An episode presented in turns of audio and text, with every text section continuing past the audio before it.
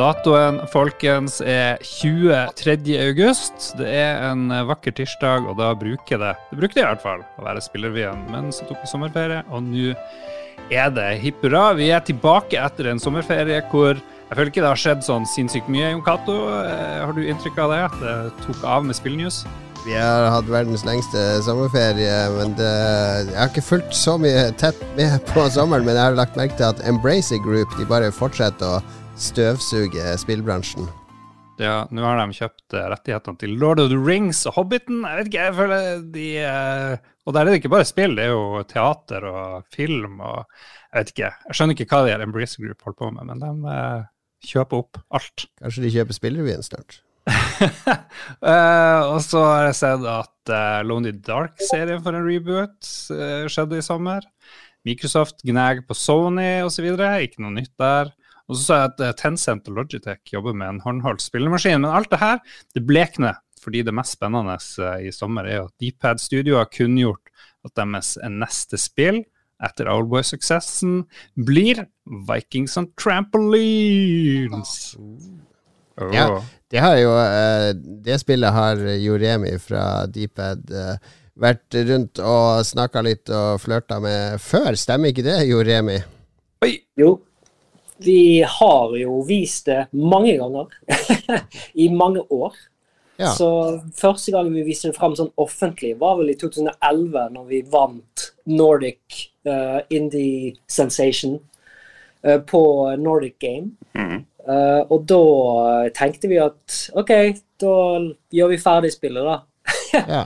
Altså, Oldboy tok hva var det, ti år, så da må du ha et som tar enda flere år. Er det det som er tanken? Ja.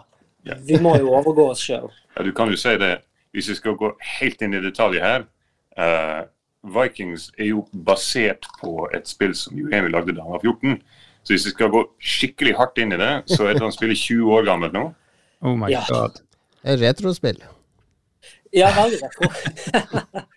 og for de oppmerksomme lytterne så har vi faktisk med oss Simon Staffnes Andersen og Joremi Madsen, som er Deephead Studio. Velkommen skal dere være. God dag. Takk. Litt ja. sånn skurrete linje, for dere er med helt fra Tyskland. Ja, nå sitter vi på en Airbnb her i hva er det, 33 grader nå? Ja. vi er jo fra Askøy, altså Bergen, og der har det jo vært vinter i hele sommer. Så, så dette her er uvant. Ja, velkommen. Ja, dere, på, dere skal på Gamescom. Vi, skal, vi, kan prate litt om Gamescom. Men først, hvordan har responsen vært på Vikings on Trampolines? Jeg vil si det har vært veldig positivt. Um, så kom vi jo ut med denne revealen vår litt før Gamescom. Det var jo litt sånn uh, Kanskje vi kunne hype folk litt opp før vi faktisk kom dit. Uh, så kom vi med trailer, og fikk, jeg vil si vi fikk veldig god respons på det. Og så nå plutselig så begynner det å ta seg opp i Japan av alle steder. Ja. så vi har jo bare sånn delvis fått tid til å følge med på alt sammen, fordi vi har drevet og pakka gjort oss klart til alt det andre. Men hjelp og trøst alle artiklene som er funnet nå. Det er ganske sjukt. Ja. Jeg tok og måtte google Vikings on Trampolines, uh, sortere på nyheter på Google, og det bare Det var i Brasil, og det var, som du sier, det var i Japan, og det var overalt. Og så tenker jeg noen norske spillutviklere er flinkere enn andre på å få ut budskapet sitt. Jeg har sett f.eks. det har kommet spill i sommer i Norge uten nesten noe som helst eh, PR og, og, noe særlig mediestrategi som jeg kunne se. Og da har budskapet vært ja, dere må bare ta kontakt hvis dere har lyst til å vite noe. Hva tenker dere om hvor viktig det er å tenke det med å få ut budskapet? Og hjelpe og trøste. Det, er, det har vært 90% av strategien vår. Uh, det er jo grunnen til at vi drar til alle disse stedene som vi er. Og det skal jo sies, Alboy har vært veldig vanskelig å ta med på messe. Fordi det er jo et uh, utforskingsspill. Og Den typen ting er veldig vanskelig å vise når du bare har folk som går forbi en bod. eller noe sånt her. Men vi fikk det noe til. Uh, det gikk jo bra. Men Vikings derimot, og det har vi jo tatt med på tour nå i hvor mange år blir det nå, sånn 10-11 nå. Mm. Det tok vi bare med sammen med, med Alboy. Og hver gang vi hadde en bord på det, så sto det linje ut døra uh, med folk. Og det, det sier litt om hvor viktig det der er. fordi Uh, jo da, du kan gjøre veldig mye på nettet. Du kan gi ut trailere, og du kan, du kan snakke med folk, og du kan få PR-byrå og alt det der. Men det er noe med å faktisk treffe de folka som faktisk spiller det, og se hvordan de reagerer. For når du har noen som oppriktig talt er uh, skikkelig gira på det du gjør, da er det liksom som at det hjelper på oss også. Ja, og så har vi jo prøvd å knytte det opp mot en sånn type messe som Gamescom. Fordi at Med en gang folk ser at vi skal snart vise fram mer fra spillet, det er faktisk mulig å teste spillet, da skjønner folk at ok, det er kanskje ikke så langt unna. Og man blir litt man får liksom litt mer hype av den grunn. ja, for det, det, er noe med å bare lese noe på en nettside. Du får en veldig annen sånn følelse på det. Og Det er noen spill som de gjør veldig bra på, men uh, det er veldig viktig at du får uh, fot på bakken og faktisk uh, får prate med folk. Så det er jo grunnen til at de reiser så mye. Ja, det har til og med altså det har gått inn i designet til spillet også. fordi at vi, eh, Spillet skulle egentlig bare være en multiplayer fight brawler. Men så ja. kom korona, og vi bestemte oss for å legge inn en story mode. fordi at vi tenkte nå spiller ikke folk sammen lenger. Så, så, det har liksom vært hele veien at vi har tenkt hm, hvordan skal vi gjøre at spillet blir mer ikke populært, eller appellere til folk da, under i alle fall pandemi og alt det andre.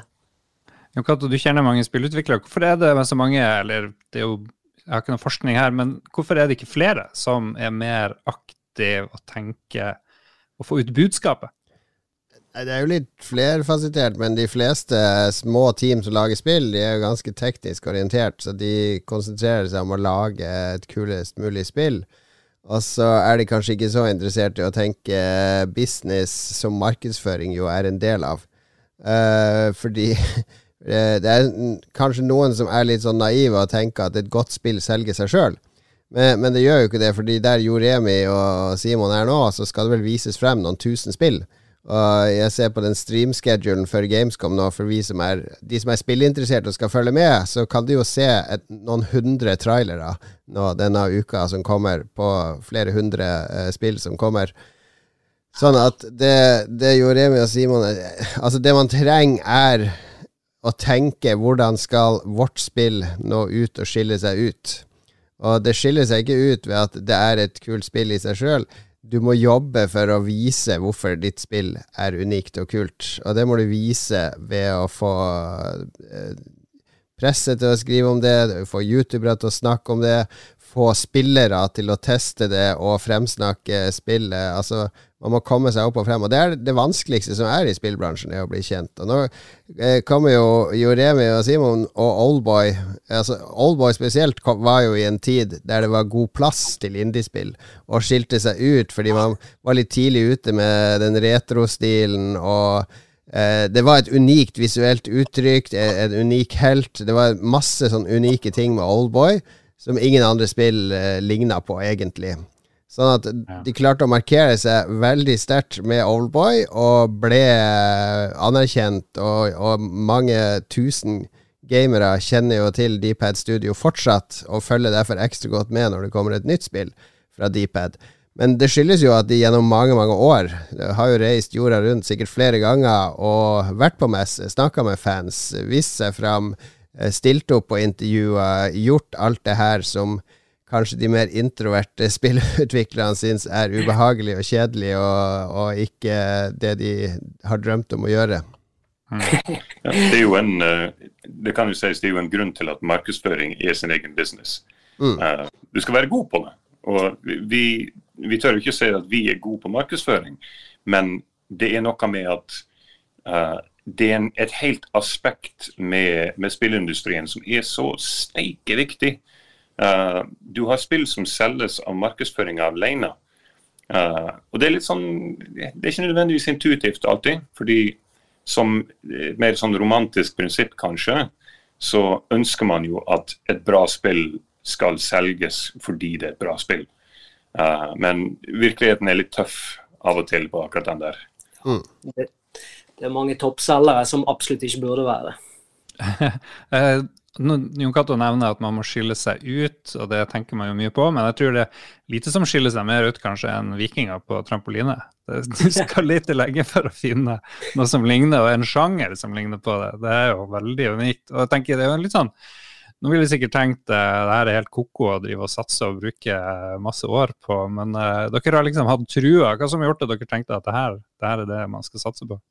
Jeg kan si ganske tidlig, fordi vi lagde jo en prototype ut av det her. Uh, ja, hva blir det nå? da? Ti, det blir elleve år i år ja. uh, at vi lagde det. Og da Vi traff jo på Alexander Winther det samme året, han uh, musikkartisten som heter Savant. Så Juremi ble jo kjent med han fordi han ville bruke musikken hans i et av prosjektene. Så han bare pinne meg ringte fyren, og så ble de gode kompiser.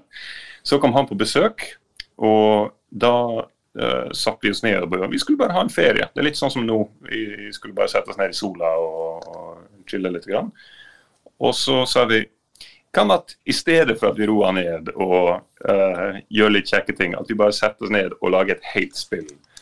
Så vi satte oss ned og så lagde vi den, den prototypen der. da. Um, men grunnen til at vi lagde prototypen, var at Juremi viste meg den der uh, tingen som han lagde da han var 14, uh, kalt Civilization Rampage. Uh, og det var jo et jeg, jeg vet ikke om jeg vil si at det var et, en brawler nødvendigvis. Det var jo nesten et slags strategispill. Uh, der du skulle plukke opp ressurser og bygge en borg og alt mulig. Men det var bare det faktum at du sa jeg kunne ikke finne ut hvordan jeg skulle gå, så i stedet så bare beveger meg som en trampoline. ja. Og i hodet mitt, det var så briljant. Hjelp og trøste. Du har et helt spill der du har en unik bevegelsesmekanikk som ingen har gjort før. Altså Bare det faktum at du kan ikke gå, du kan ikke trykke på en hoppknapp, du kan ikke gjøre noe annet bare enn å hoppe trampoline. Det er briljant. Og vi faktisk, satt faktisk eh, et øyeblikk her på kontoret for eh, jeg tror det var kanskje et år siden. For da hadde vi begynt å gjøre revampen, og vi hadde, vi hadde oppgradert en del i bakgrunnen. Og vi satt der liksom, skal vi, skal vi begynne å promotere det nå? Ja, vi må, vi må tenke oss litt om. Og så satt jeg der og så på logoen. Så tenkte jeg Burde vi kalle det for noe annet? Burde vi finne et eller annet som, som høres litt mer sånn legit og seriøst ut? Og vi på en måte så litt dumt hverandre. Sånn. The Vikings on Trampolines. Selvfølgelig må vi beholde det navnet. Det, det er så sjukt å høre på at det selger på en måte seg sjøl.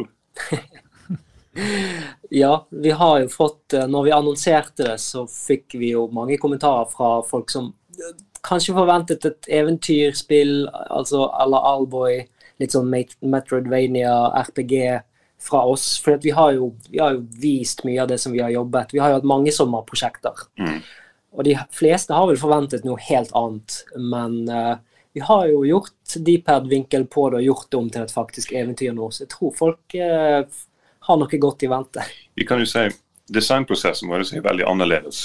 Um, for det som er med Bikes and Trampolines, jeg syns det er en veldig fin sitat, det er at det er et spill om vikinger som overhodet ikke har noe med vikinger å gjøre. Fordi eh, Hvis du ser på det uh, i detalj, altså på overflata så er det et spill om vikinger, men vikinger hadde ikke horn på hjermene, de slåss ikke mot levende ballonger, de brukte i alle fall ikke trampoline.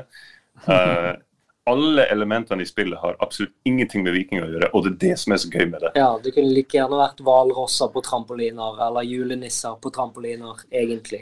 det høres nesten ut som da man måtte ha noe sånn connection, helst til noen vikinger, eller noe veldig norskt for å få ja, støtte. Altså, det, var, det var jo en periode i NFI sin historie når det var den kulturtesten var veldig viktig, og halvparten av søknadene hadde enten eh, vikinger, handla det om, eller så var det noe bilde av kong Olav eller noe sånt på veggene i et eventyrspill spill for å vise at det var norsk. Ja. ja og det, det, er litt den der også, fordi det føles liksom som at hvis du er norsk utvikler, til slutt så ender du opp med å lage et eller annet med vikinger. Men for oss så var det litt motsatt. Det var mer sånn at vi endte opp med vikinger, enn det var at det var det som på en måte var planen. Ja. Hvis vi skulle ha gjort liksom at alle sammen går rundt med lusekofte og, og ski på beina og den typen, da tror jeg vi hadde prøvd å appellere til noe som vi ikke kjenner til godt nok. Ja. Tilfeldigvis har vi en karakter med ski på beina. Ja, det er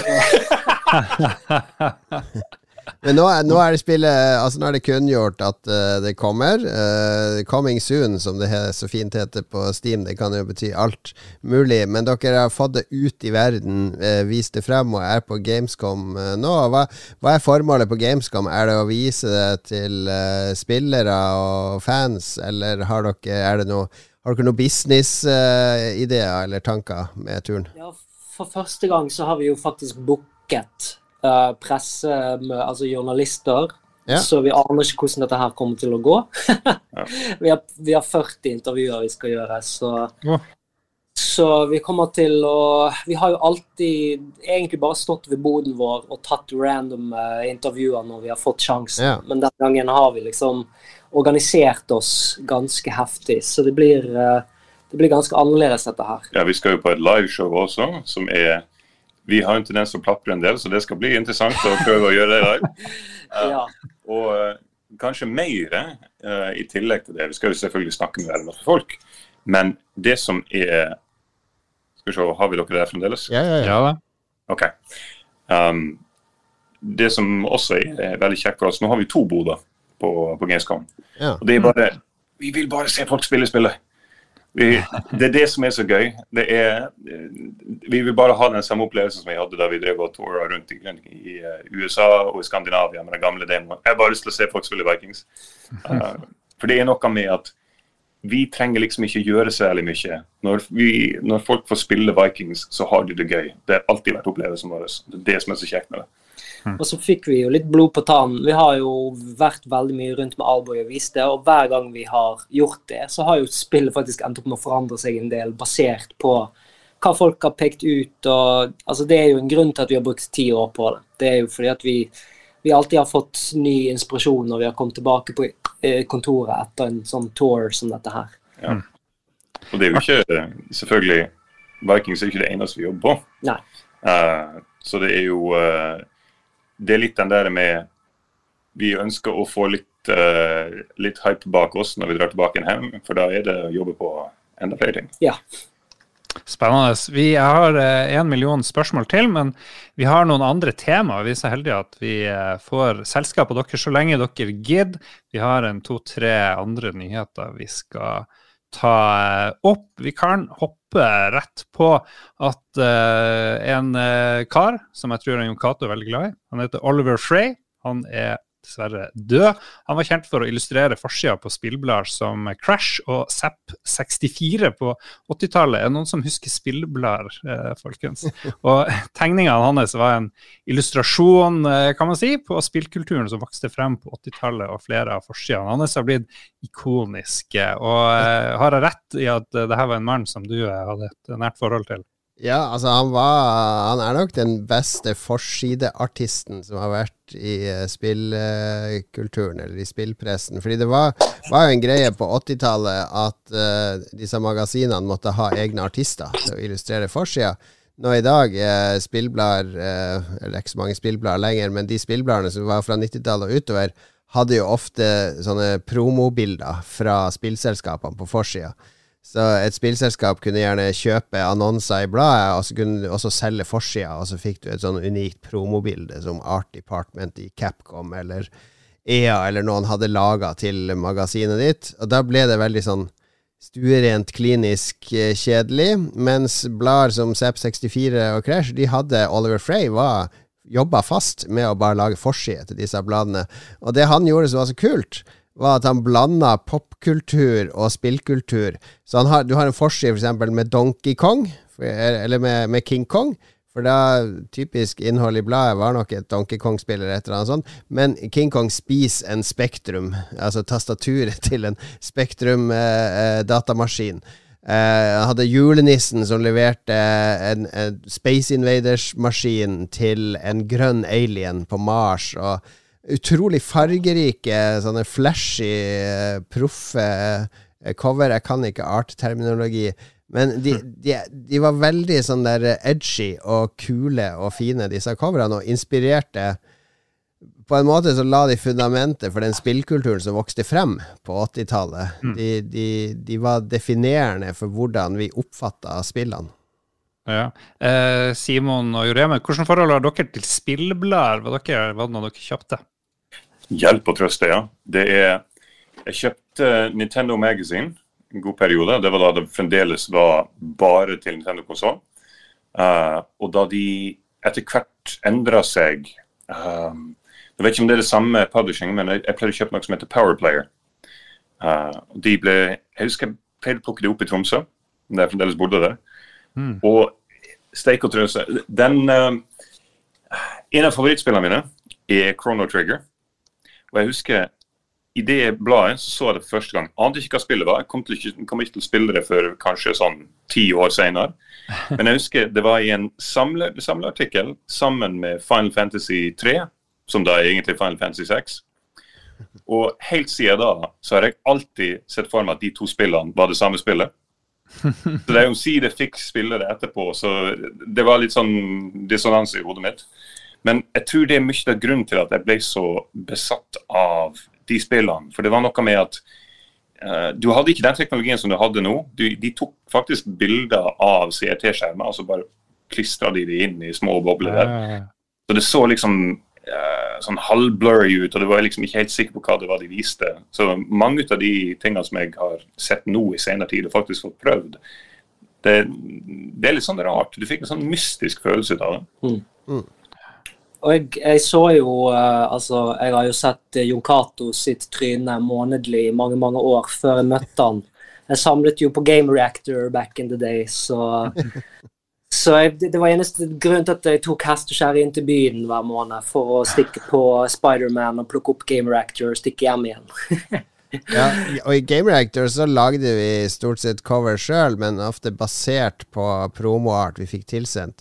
Men vi fikk ofte Og det var litt kul del av å jobbe i det bladet. Fordi eh, hvis f.eks. Nintendo hadde cover eller et spill, så fikk du gjerne eh, to eller tre forskjellige varianter av cover art. Altså, og så var de, de var layered PSD-filer som var på flere hundre megabyte. Så du kunne fjerne og, og, endre og legge til layers som du ville, og kombinere disse ulike Altså, jo, uh, Simon vet sikkert hva jeg prater med, men du kunne leke deg med sånn original Nintendo-layered art og lage den forsida du ville, basert på den. Steike, det høres ut som en luksus, til deg, da. ja, det var litt gøy, men vi hadde han, han svenske redaktøren, han var veldig Han var litt sånn nazi, så han skulle ha Final Say i alle cover. Så når jeg drev og lekte med det ble aldri godkjent. Det var, det var liksom Noen ganger var sånn Han bare flytta noe to millimeter til høyre og flytta på en skygge bare for at han måtte ha sin hånd på det. Eh, min mm. var akkurat like fin, det er jeg sikker på. Ja, nei, jeg får ikke tilgang til våre PST-er, så det Det er veldig mye sånn på kontoret. Det, uh, det er sånn, Jeg skal ha final say på det når vi er ferdig. det nærmer seg vel et eller annet jubileum sikkert for eh, Lolbua eller Spillervien. Da syns jeg vi skal lage et magasin fysisk. Så kan vi hyre inn Simon til å lage eh, forsida der. Hit me up. Syns om det I'll do it. nice. Veldig bra. Vi tar og hopper videre og eh, skal kikke kjapt på at PSVR 2 er annonsert. Skal komme i 2023. Eh, og jeg er jo eh, veldig skeptisk til VR. Jon Cato, litt mer uh, gira der. Hvordan uh, Er det mye VR i, i uh, Dpad Studio-hovedkvarteret? Jeg, jeg, prøvde jo med på det der uh, i fjor sommer. Da kjøpte jeg en sånn Oculus Quest. Den var jo akkurat kommet ut da. Uh, og så brukte jeg den i ett minutt, og så måtte jeg ligge i sengen i en uke. jeg ble så sjuk. Så det var Jeg tror ikke vi kom til å bruke det noe særlig. Uh, da må vi lage et kun spill som er veldig stasjonære. Og det høres ikke veldig gøy ut. Ja, vi gjorde jo en del eksperimenter. Vi, vi brukte jo en Vive i en god periode. Ja. Uh, veldig mange interessante prosjekter der. Men offisielt prosjekt, det vet jeg ikke. Nei. Det er så mange restriksjoner du må gjøre for at det skal være komfortabelt å bruke. Det føles som at du må ha et helt team bare for behagelighetsfeedback. Uh, ja, i dag så gikk vi faktisk forbi Vi var på et kjøpesenter, og vi gikk forbi en uh, sånn um, VR-shop. Uh, hvor de hadde litt sånn simulatorspill og sånt. Hvor de hadde vel ti forskjellige spill der. Um, men jeg, jeg, har liksom ikke nok uh, Jeg vet at jeg kommer til å bli sjuk av å sitte og spille det der, sjøl men jeg syns det er utrolig artig det ene minuttet jeg, over, jeg klarer det. Men jeg kan si det beste øyeblikket som vi har hatt på kontoret på veldig lang tid, var da jeg fikk Juremi til å spille Fast med Phobia. Det var flotte greier. uh, jo, Kato, um, jeg, tror, jeg følte at pandemien burde være en sånn perfekt uh, tid for VR. Alle måtte være hjemme, og man kunne møtes uh, i en sånn virtuell virkelighet og sånt, men det, det, skjedde ikke. Tror du 2023 er det det som er year of VR? Nå, det er så fint at vi har disse rollene der du er den dumme journalisten og jeg er eksperten, fordi det skjedde, Lars. Altså, det er solgt flere Oculus Quest 2 enn det er solgt Xbox-konsoller i fjor, f.eks. Eh, så, så, det selges nesten like mye Quest 2, og det er ett headset, som det selges PlayStation 5-konsoller. Så den illusjonen om at VR ikke er populært i hele tatt, er bare fordi du ikke ser det rundt deg. Eh, det, det selger VR som bare det, og jeg tror økninga i VR-salget i fjor var en 97% økning i 2021 i forhold til 2020. Så det, altså, det, er veldig farlig med empiri, men mine barn på 10 og 13 De har flere venner som har Quest 2. Og han tiåringen min ønsker seg Quest 2 i bursdagsgave. Så det er i ferd med å nå et nytt publikum, og det er i ferd med å, å bre om seg. Men det er, altså det er ikke Mange tenker på VR, sånn tradisjonelle gamere, som en trussel mot tradisjonell gaming, men det er noe helt annet. Og det er ikke for alle, og det er helt greit. Altså, det, det, det, du trenger ikke å tenke på det som, som, noe som skal komme og være en del av livet ditt, hvis du, hvis du ikke vil drive med e-sport. E-sport spilles av millioner verden over. Det trenger ikke å være en del av din spillvirkelighet. Og det samme med VR. Men VR vokser. Det vokser år for år, og det selger. Ok, det vokser. 100% opp fra veldig lite er jo fremdeles ikke så mye, men uh, tar... Det er fortsatt mer enn Xbox. Ja, jo da. Nei, men jeg, jeg, skal heie. jeg skal begynne å heie på VR. Hva er det beste man kan oppleve i VR akkurat nå? Eh, Jon Cato, du kjøper jo litt sånn VR-shit. Er det Formel 1? Er det ja, det Formel 1 er jo for første gang i VR, og den, den krever litt sånn der NASA-maskin hvis du skal få det til å rønne smooth, men det er jo helt magisk i VR. Men Uh, nei, det er fortsatt eh, Half-Life Alex som på en måte er, eh, har lagt lista for hva VR mm. bør inneholde.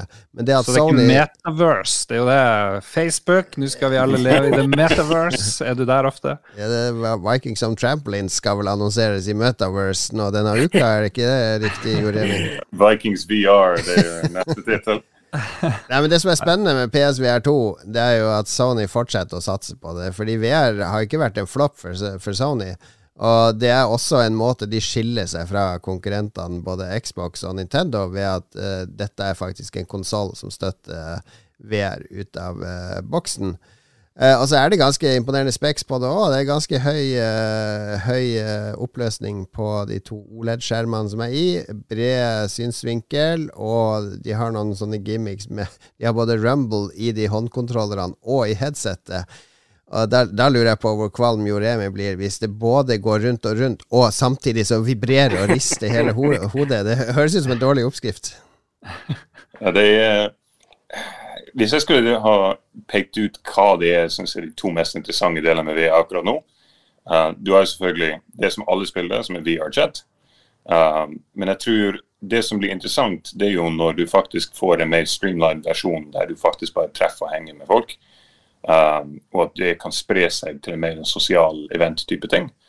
Og nå virker det som at VR-chat er standarden, men det er mer en sånn Det er fordi det er det folk ender opp med, mer enn at det er hovedsakelig designet for det. Så det skal bli interessant hva for en nisje som kommer derfra. Men hvis du spør meg hva for en eh, opplevelse jeg har hatt som i VR som er det beste, er flysimulator. 100 mm. 100 flysimulator. Det er noe helt utrolig å sitte i en cockpit og bare se ned og tenke at du flyr denne tingen. Det er en helt utrolig opplevelse.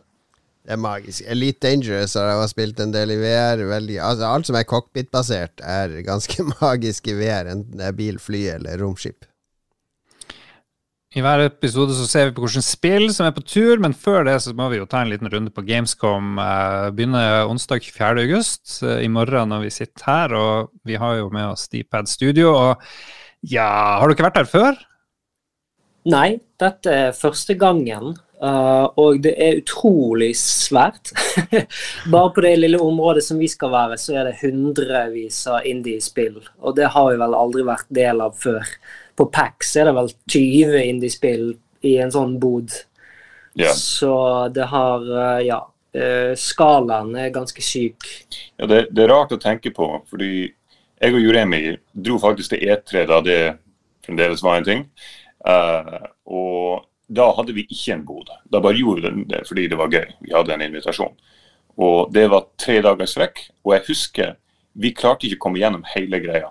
Vi brukte mm. alle tre dagene, og til slutt så var det sånn Vi, vi orker ikke mer. Uh, og det her er da hakket større enn det. Ja. Uh, så du skal, skal løpe et maraton når du kommer her, altså. Vi har kjøpt nye sko i dag, for å si det sånn. Gamescom er vel sånn ca. tre ganger større enn E3 var på sitt aller største. Det er sånn enorme flyhangarer som er fylt med, med spill der eh, omtrent EA hadde en berg-og-dal-bane innendørs et år, husker jeg. Altså det, det, er så absurd stort, og så er det folk overalt. Bare kos, kos dere mens det ennå ikke er åpna for publikum, og så bare gled dere til dere skal vasse rundt i uh, pølseluktende tyskere. Det Stålsett dere. That's racist. Har dere funnet ut hvor nødutgangen er? Jeg har hørt noen sa de var, det var så mye folk de var redd for uh, livene sine, nesten. Ja, vi, er, vi, er, rett med nødutgangen, så we're good to go. nice. Ja, veldig bra. Um, er det mange andre uh, norske utviklere dere har fått øye på? Ja, de aller fleste skal vel kanskje være der. Det er jo en egen uh, nordisk bod som skal være på Gamescom, så så vi skal jo faktisk ha spillet vårt der også. Um, så vi skal farte litt fram og tilbake og gjøre litt business, og så litt stå ved indieboden og høye opp uh, stemningen. Så jeg tror de aller fleste har kommet seg med, som skal ha spill som kommer ut snart i, i forhold til norsk spillindustri. Mm. Har dere noe særlig folk med dere som støtter, eller må dere gjøre alt sjøl, eller hvordan er det? Ja, Vi har uh, tatt med kona mi til å hjelpe til å kjøre boden, og så er det for neste år. ja, Vi er jo notorisk dårlige på å planlegge. Vi hørte jo at de ved siden av de skulle være elleve stykk, og vi er tre, så Men det, det, er jo litt ut av Altså, for oss Dette er, dette er julaften for oss. Det, det er, vi får lov til å se folk spille spillet vårt. Vi får teste helt nye ting. Uh, vi får helt ny inspirasjon.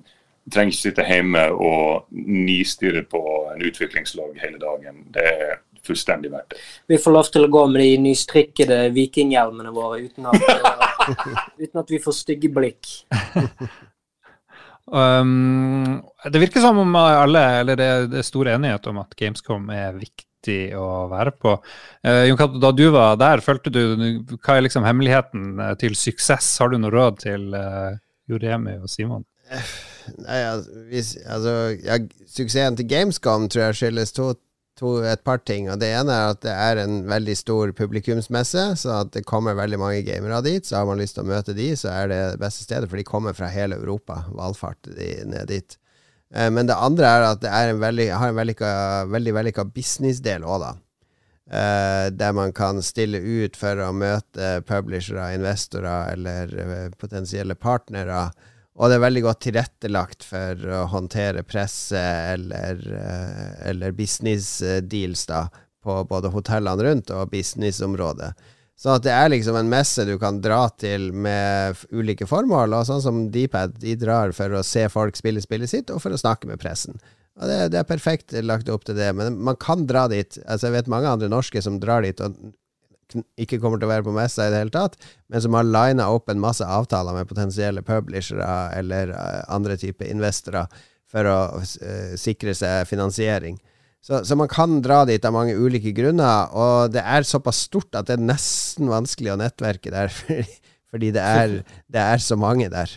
Uh, men det er en opplevelse. Det var Sist jeg var på Gamescom, så var jeg kanskje en halvtime på selve messa.